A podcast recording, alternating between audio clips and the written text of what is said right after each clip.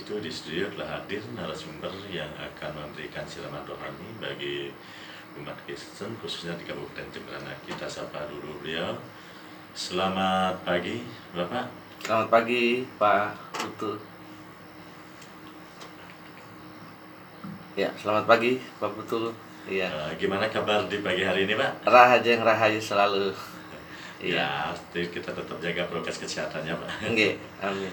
Oke, Oke, silakan Bapak untuk mengisi siraman rohani di pagi hari ini. Iya, baik terima kasih Pak Putu. Mari rekan Ananta Praja Suara 99 FM yang disiar pancarkan dari Civic Center Kabupaten eh, Jemberana. Mari kita siapkan hati kita untuk kita mendengarkan kebenaran firman Tuhan di hari ini. Bapak kami berdoa dan mengucap syukur hari ini kami kembali lagi di Radio Ananta Raja Suara Tuhan Radio Kebanggaan Masyarakat Jemberana ini. Dan kami akan mendengarkan firman Tuhan berkati dan urapi kami. Kami percaya bahwa iman timbul oleh pendengaran dan pendengaran akan firman Tuhan. Di dalam nama Tuhan Yesus kami berdoa dan mengucap syukur hari ini. Amin. Nah Bapak Ibu Saudara yang diberkati oleh kasih karunia mari silakan ambil tempat duduk cari tempat duduk siapkan catatan mungkin Alkitab lalu kita akan belajar kebenaran firman Tuhan di hari ini. Nah, Bapak Ibu, sahabat saudara yang diberkati oleh kasih karunia Tuhan, hari ini topik kita berjudul kebahagiaan yang sejati. Nah, Bapak Ibu, saudara yang dikasihi oleh Tuhan Yesus, semua manusia itu menginginkan kebahagiaan. Ya siapa pun dia pasti mencari kebahagiaan.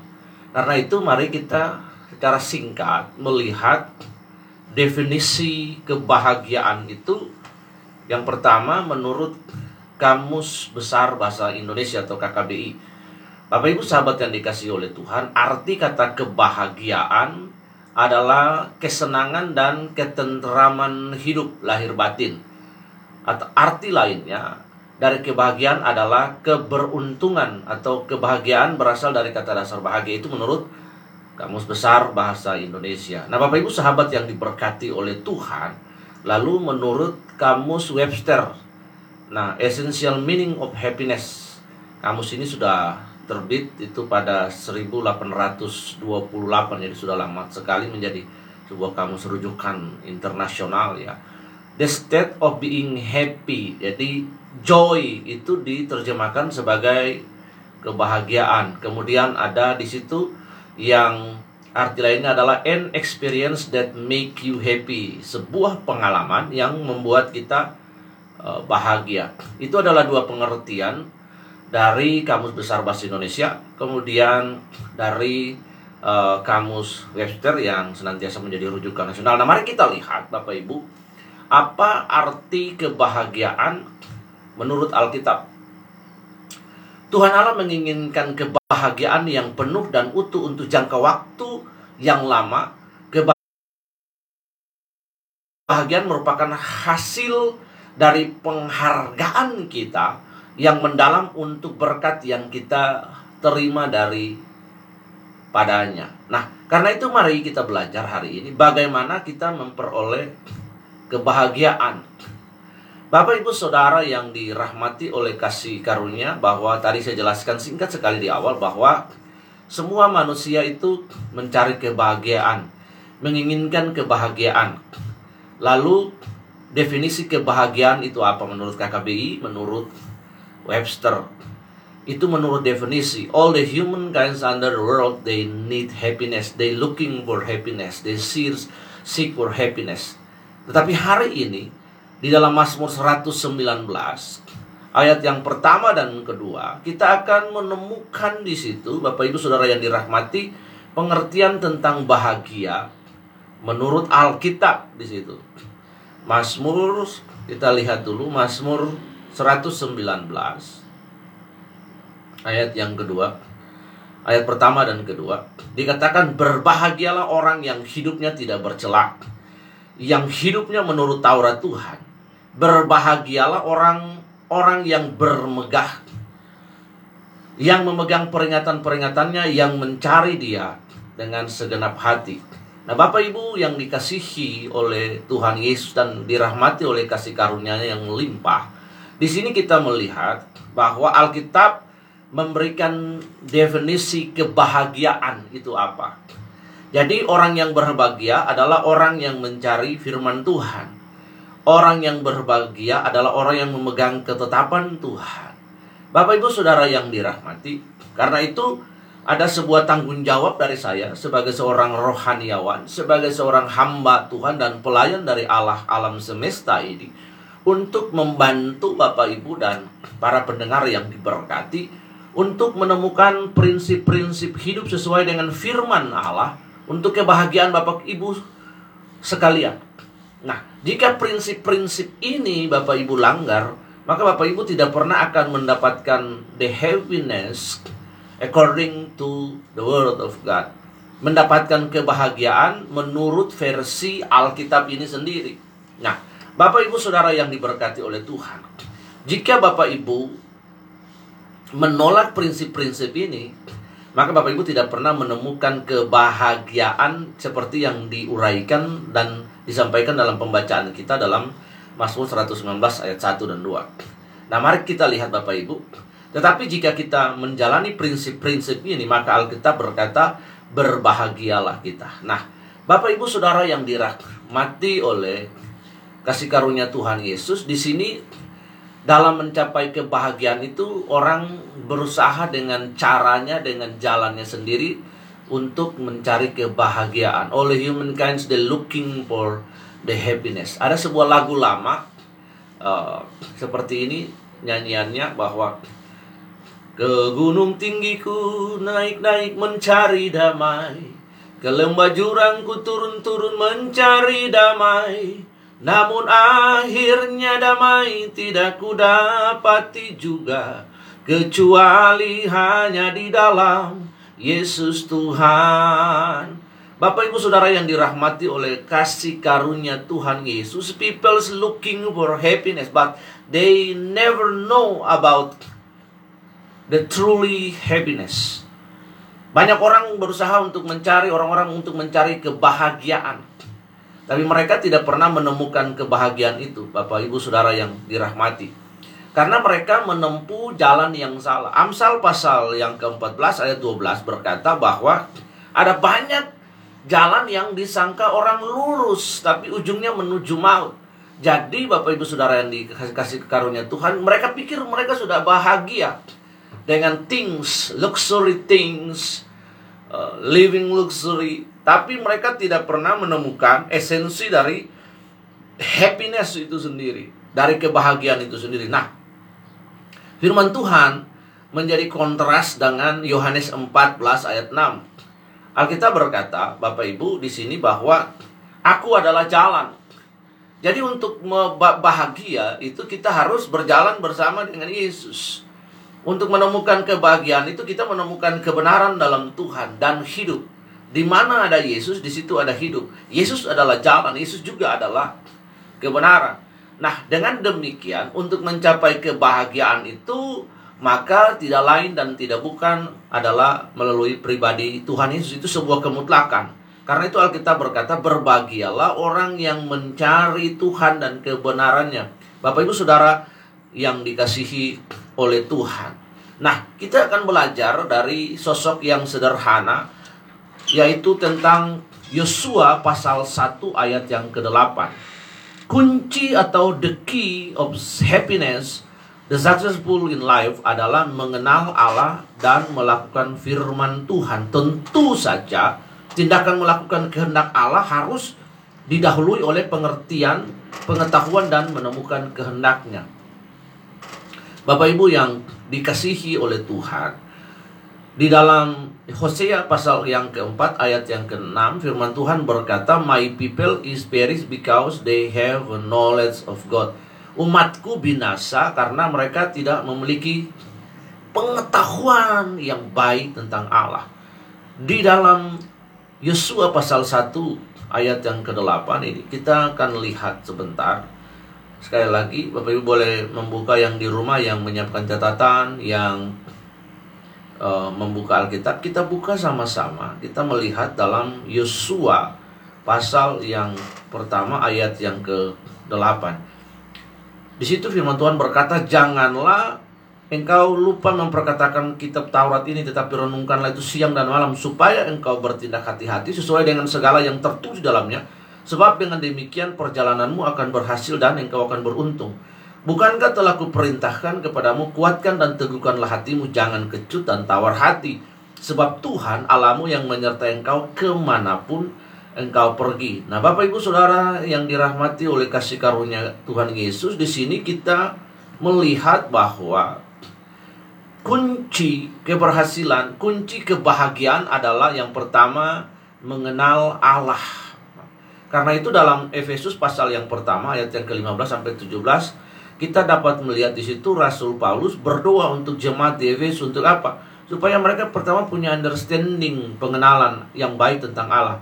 They know about the truly God heaven knowledge. Kalau kita tidak punya pengetahuan tentang Allah, maka kita tidak mungkin mengenal firman-Nya dan tentu saja kita tidak bisa melakukan kehendaknya. Karena itu untuk melakukan kehendak Allah harus didahului oleh pengetahuan dan pengertian kita akan firman. Setelah itu baru kita melakukan kehendak Allah. Itu hal yang paling penting sekali dalam hidup ini Bapak Ibu. Nah, mari kita melihat ada lima kunci, lima kunci saja sederhana bagaimana kita menemukan kunci kebahagiaan itu. Nah, Bapak Ibu yang pertama adalah kita mendengar firman Tuhan. Mendengar firman Tuhan. Ini hal yang paling penting. Dalam Roma pasal yang ke-10 ayat 17 firman Tuhan berkata bahwa faith come from hearing and hearing the word of God. Jadi artinya iman timbul oleh pendengaran dan pendengaran akan firman Kristus Bapak Ibu dalam relasi kita sebagai umat perjanjian baru dengan Kristus Yesus, maka relasi itu salah satunya adalah kita menjadi murid daripada Kristus, Bapak Ibu. Nah, untuk menjadi murid itu salah satu ciri murid adalah mendengar, Bapak Ibu. Zaman dulu orang menempuh menempuh pendidikan universitas itu tidak seperti sekarang. Zaman era Tuhan Yesus waktu itu yang kita tahu pada era Tuhan Yesus di situ budaya Yunani uh, sangat kuat dan itu mempengaruhi seluruh dunia. Jadi Yunani menjajah dunia itu dengan culture, tapi dengan otoritas dan kekuasaan kita lihat Roma. Nah, adalah seseorang mengikuti untuk menjadi murid, seseorang mengikuti orang lain, mendengar, hidup dengan orang itu dan melihat. Universitas pada waktu itu juga adalah orang-orang berkumpul untuk mendengar pidato seseorang di situ. Nah, akhirnya berkembang menjadi universitas di hari ini. Dan semua jenis perkuliahan pelajaran itu dimulai dengan duduk, datang, duduk, dan mendengar apa yang disampaikan oleh tutor, apa yang disampaikan oleh dosen, oleh guru, oleh pembimbing, dan lain sebagainya. Karena itu, Bapak Ibu Saudara, sebelum kita menemukan kebahagiaan dan me, dan menemukan kebahagiaan dan melakukan kehendak Allah, maka harus didahului oleh pengetahuan. Nah pengetahuan itu didapat dari pendengaran akan firman Tuhan. Nah kalau kita tidak mendengarkan firman Tuhan Bapak Ibu, maka kita tidak pernah akan never understand the willingness of God. Kita tidak pernah akan mengenal firman Tuhan itu dengan baik. Tidak pernah memahami firman Tuhan. Karena itu biarlah perilaku kita adalah perilaku biblical student. Perilaku seorang murid daripada Alkitab murid daripada Yesus, murid daripada firman Allah itu sendiri. Karena kita berkata bahwa berbahagialah orang yang mencari aku, Bapak Ibu. Definisi Alkitab, happiness adalah looking for God, mencari Tuhan dalam hidup ini. Tuhan menciptakan kita completeness. But di dalam kehidupan kita ada emptiness room yang hanya bisa only fulfill by God. Karena itu Bapak Ibu pemuasan orang mencoba untuk mencari happiness, joy, pemuasan. Ada berbagai-bagai jenis pemuasan yang ditawarkan oleh dunia di sekeliling kita, Bapak Ibu. Orang mencari pemuasan dengan seksual, hal-hal seksual, orang mencari pemuasan dengan narkoba, orang mencari pemuasan dalam ben, dalam berbagai bentuk apa pun yang tujuannya adalah dapat memuaskan batin mereka. Tapi tahukah Bapak Ibu semuanya itu sia-sia. Ya. Bagaimana batin kita, jiwa kita itu dipuaskan adalah ketika kita bertemu dengan Tuhan Sang Pencipta. Bapak Ibu, roh kita ini dipenuhi oleh kuasa ilahi, divine spirit, roh Allah itu yang menciptakan kita Tuhan. Dia yang dapat memenuhkan ruang di hati kita karena itu kita harus punya relasi yang baik dengan Allah dan relasi itu terbangun dari bagaimana mendengar firman Tuhan. The first key to happiness adalah kita mendengar firman Tuhan. Dengar-dengaran kepada firman Tuhan, mendengar firman Tuhan. Kalau kita membaca kitab Injil bahkan sampai kitab Wahyu bahkan di dalam kitab Ulangan pasal 28 selalu diawali dengan kata dengar. Jika engkau setia mendengar dan melakukan, maka segala berkat ini akan datang kepadamu. Dalam konteks ulangan pasal 28 itu berkat yang dimaksud adalah physical, physical blessing Bapak Ibu. Berkat-berkat secara fisik. Tetapi dalam perjanjian baru, dalam five circle of blessing kita menemukan lingkaran lima lingkaran berkat yang selalu diucapkan oleh para imam ketika memberikan berkat selalu yang pertama itu adalah spiritual blessing atau asyere. Itulah sebabnya Tuhan Yesus membuka dua membuka percakapan Sermon of the Mountain dengan Tuhan berkata berbahagialah orang yang miskin di hadapan Allah karena mereka akan dipuaskan. Miskin di situ bukan miskin secara fisik, enggak, bukan poverty, tapi di situ adalah poor in the spirit. Tuhan berkata makarios toikos di situ. Berbahagialah orang yang miskin di hadapan Allah. Nah mereka akan dipuaskan. Nah karena itu Bapak Ibu, untuk menjadi orang yang berbahagia, yang pertama itu kita mendengarkan firman Tuhan tidak lain dan tidak bukan. Mazmur pasal pertama ayat pertama berkata bahwa berbahagialah orang yang tidak berdiri jalan pencemooh, yang tidak berada di jalan orang berdosa, tapi yang kesukaannya adalah firman Tuhan dan yang merenungkan firman Tuhan itu siang dan malam.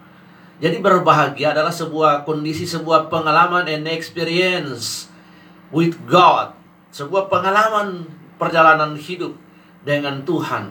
Nah, ini yang harus kita belajar. Pengalaman hidup dengan Tuhan itu pengalaman hidup bukan saja hal-hal yang menyenangkan yang kita alami, tapi dalam situasi-situasi sulit, the circumstance, difficult season, especially in this day in Indonesia, all of us know.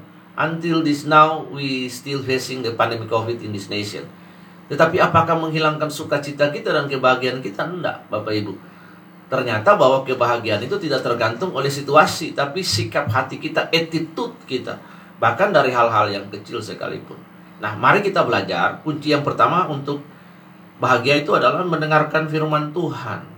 Karena itu dalam situasi-situasi sulit ini bacalah firman Alkitab supaya kita mendengarkan dan memahami karena melakukan kehendak Allah dan menemukan kebahagiaan itu harus didalui oleh pengetahuan akan kebenaran yaitu firman Tuhan Bapak Ibu. Yang kedua, adalah kita membaca firman Tuhan. Kita lihat dalam Matius pasal yang keempat. Yesus hidup akrab sekali dengan kitab-kitab suci scripture waktu itu. Waktu itu belum ada Alkitab ya. Tapi waktu itu sudah ada Pentateuch, lima kitab Musa, Dekalog, kemudian ada kitab-kitab Ketuvim, nabi besar, nabi kecil. Nah, melawan iblis waktu itu Yesus hanya mengutip that was written, ada tertulis Bapak Ibu di situ kita melihat. Jadi yang kedua adalah membaca bacalah firman Tuhan. Mazmur pasal 1 ayat 1 kemudian Wahyu pasal 1 ayat 3 semuanya tentang baca firman Tuhan Bapak Ibu. Jadi kunci kebahagiaan itu adalah membaca firman Tuhan seperti yang diungkapkan di awal bahwa berbahagialah orang yang mencari Tuhan dan memegang Tauratnya.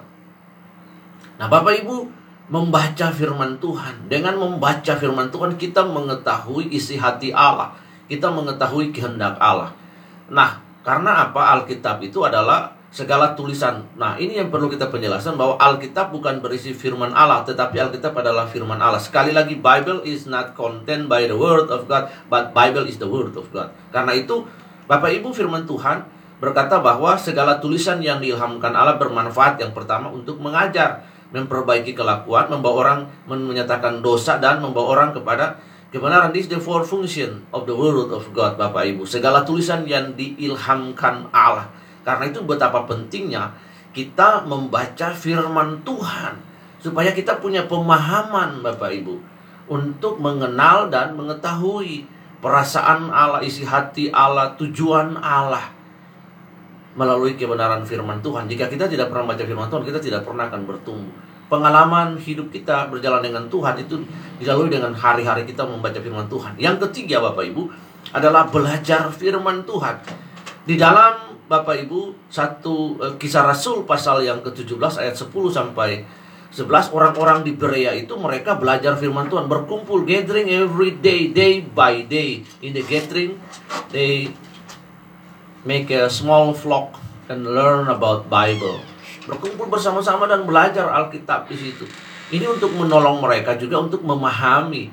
Nah, hari ini kan dengan media-media sosial banyak orang karena Alkitab itu sifatnya open book, siapa saja orang Kristen dia dia bisa membuat konten-konten Alkitab, konten-konten Kristen. Lalu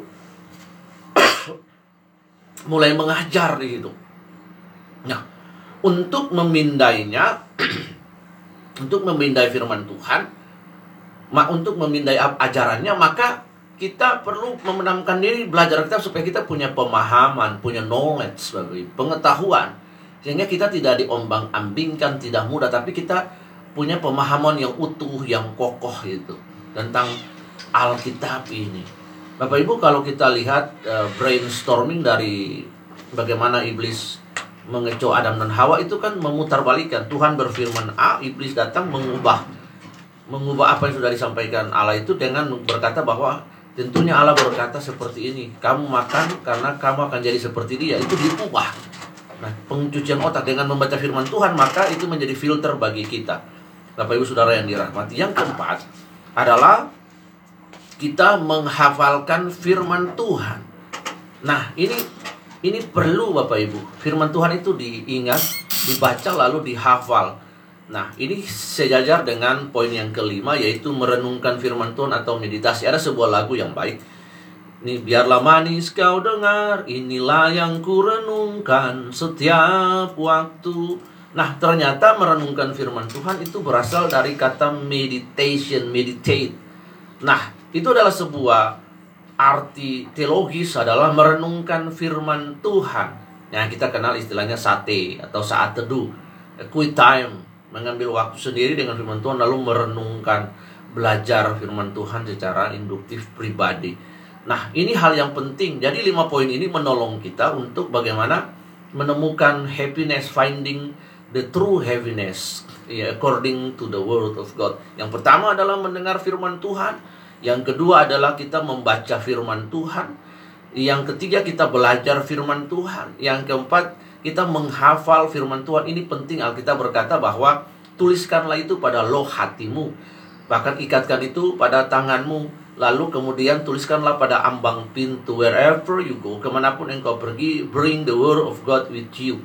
Nah inilah sehingga firman Tuhan itu mewarnai setiap pola pikir kita. Bahkan merubah pola pikir kita karena apa? Roma 3 23 semua manusia terjatuh dalam dosa.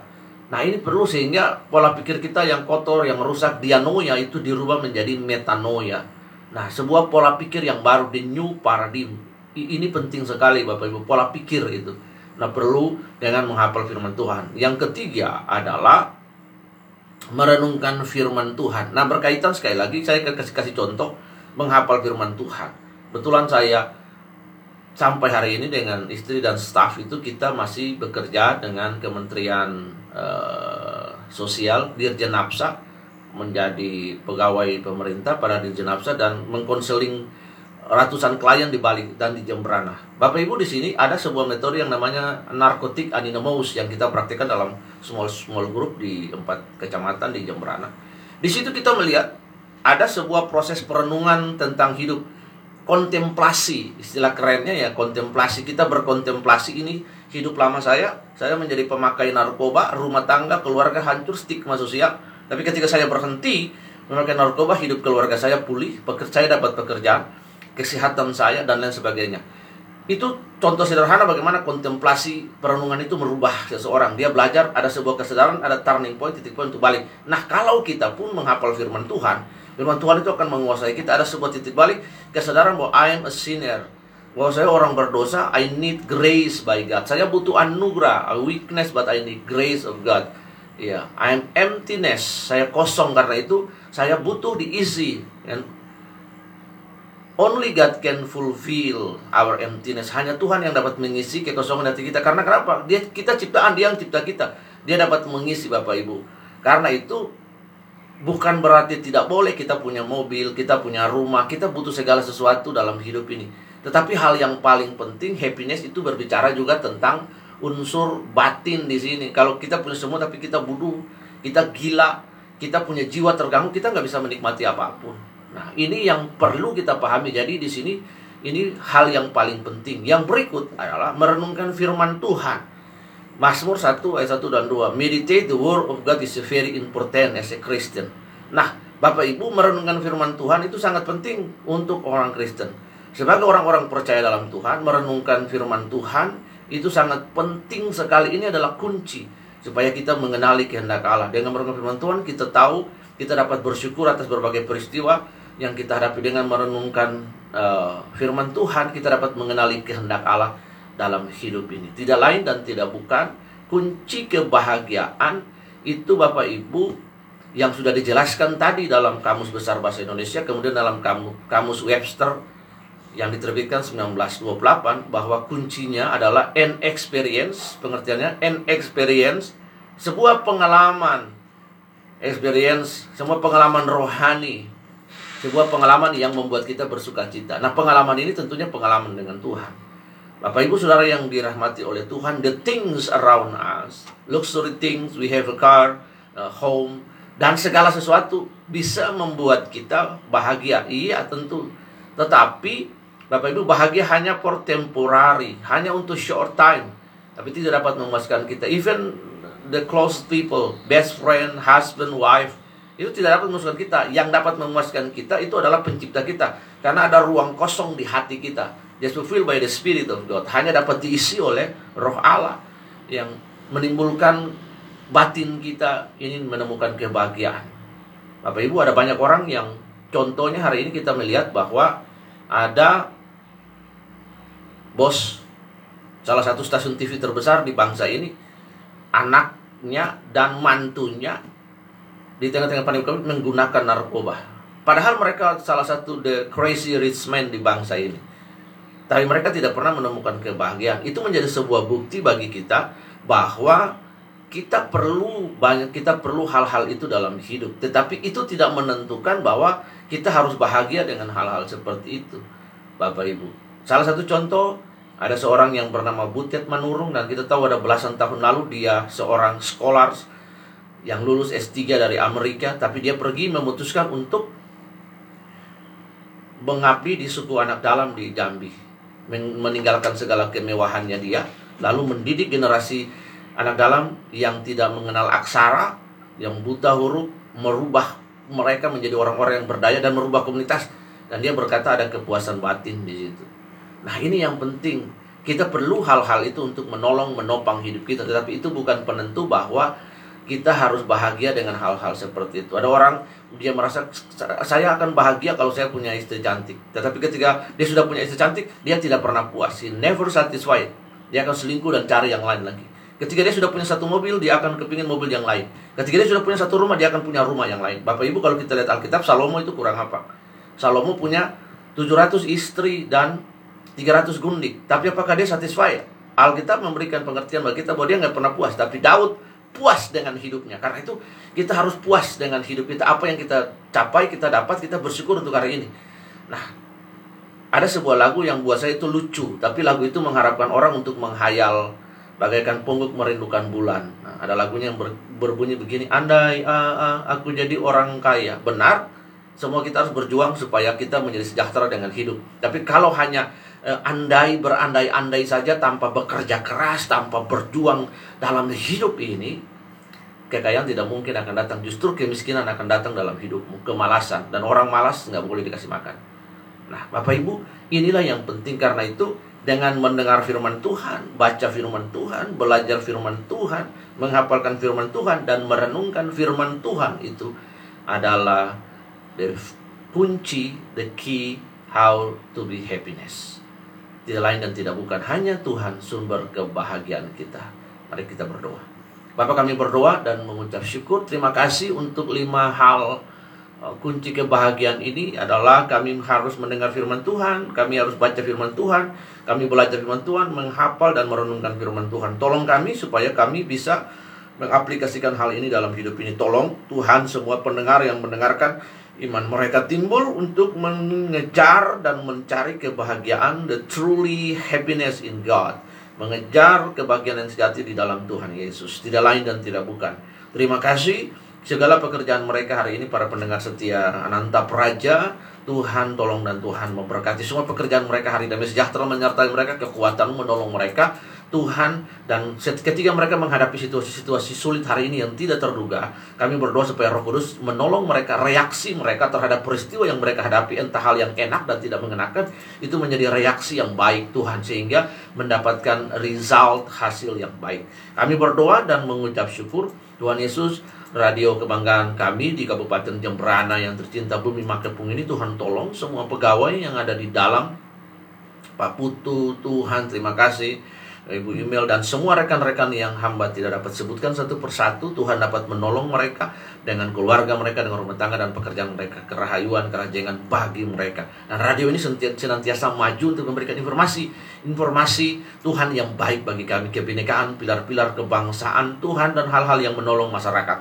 Kami berdoa dan mengucap syukur. Tuhan Yesus kami membawa 52 desa 5 kecamatan Tuhan dan 10 kelurahan di Kabupaten Makepung ini ke dalam tangan Tuhan. Tuhan tolong dari perangkat-perangkat dinas, adat desa, Tuhan memberkati semuanya. Masyarakat yang berada di ujung pekutatan sampai Giliman Tuhan tolong. Para camat yang ada Tuhan memberkati, para kepala desa, lurah Tuhan memberkati mereka semua. Kami juga berdoa bagi kemajemukan di kota kami ini menjadi mini Indonesia. Tuhan tolong keragaman yang ada kami berdoa biar kabupaten kami ini Tuhan selalu dilingkupi, dipenuhi oleh berkat Tuhan dalam nama Tuhan Yesus. Kami berdoa menyerahkan muspida tingkat dua Kabupaten Jembrana ke dalam tangan Tuhan mulai dari Bapak Bupati, Wakil Bupati, Tuhan tolong dalam kepemimpinan mereka, Tuhan kerahayuan kerahajangan bagi mereka, bahkan keputusan-keputusan hal yang penting apa pun untuk kemajuan Jembrana Tuhan memberkati. Memberkati DPRD 2 dengan seluruh perangkatnya, ketua-ketua kepala-kepala SKPD, Tuhan tolong dan Tuhan memberkati. Mereka bekerja dengan baik dan benar untuk rakyat Tuhan, sehingga sejahtera, adil, makmur, sentosa itu ada di kabupaten ini. Memberkati Kapolres, Tuhan tolong Tuhan berkati dalam menjalankan sisi keamanan, ketua pengadilan, ketua kejaksaan, bahkan Tuhan dan dim Tuhan memberkati dengan demikian. Tuhan ada harmoni di antara uh, muspida musyawarah pimpinan daerah Kabupaten Jembrana. Berkati kota kami, Tuhan berkati masyarakat yang ada di kota kami. Kami juga serahkan Bupat, uh, gubernur ke dalam tangan Tuhan, Poyan Koster dan seluruh aparatur yang ada di provinsi. Tuhan tolong Tuhan berkati kami juga mendoakan Bapak Presiden kami, Bapak Jokowi, Tuhan tolong berikan kesehatan dan para menteri untuk memimpin bangsa ini dengan baik. Tuhan, terima kasih untuk setiap proses uh, speed recovery pemulihan bagi Indonesia dan terutama bagi Bali. Kami berdoa Tuhan supaya speed recovery bagi Bali terus berjalan dengan baik. Tuhan ekonomi pulih masyarakat bisa kembali beraktivitas dengan baik. Tuhan kami tolong. Tuhan hanya pertolongan dari kuasamu yang dapat memulihkan kami semua. Terima kasih Mari angkat tangan sahabat semua, saudara para pendengar Radio Nanta Praja. Hari ini khususnya umat Kristen, angkat tanganmu dan terima berkat Tuhan. Kasih karunia Allah yang jauh melampaui segala roh hikmat akal pikiran dan menolong kami. Allah menghadapkan wajahnya kepadamu dan menyinari engkau dengan wajahnya Dan berikan engkau kasih karunia damai sejahtera yang jauh melampaui apa pun yang berjanji dan berkata pintalah Sampai Immanuel Maranatha yang datang pada kali yang kedua semua kami menjadi salehmu. Di dalam nama Tuhan Yesus kami memasuki hari ini hanya di dalam nama Tuhan Yesus memulai aktivitas kami di dalam satu nama yang menjadi juru selamat kami Tuhan Yesus Kristus kami sudah berdoa dan mengucap syukur haleluya amin Tuhan Yesus memberkati kita sahabat semua selamat beraktivitas di hari ini amin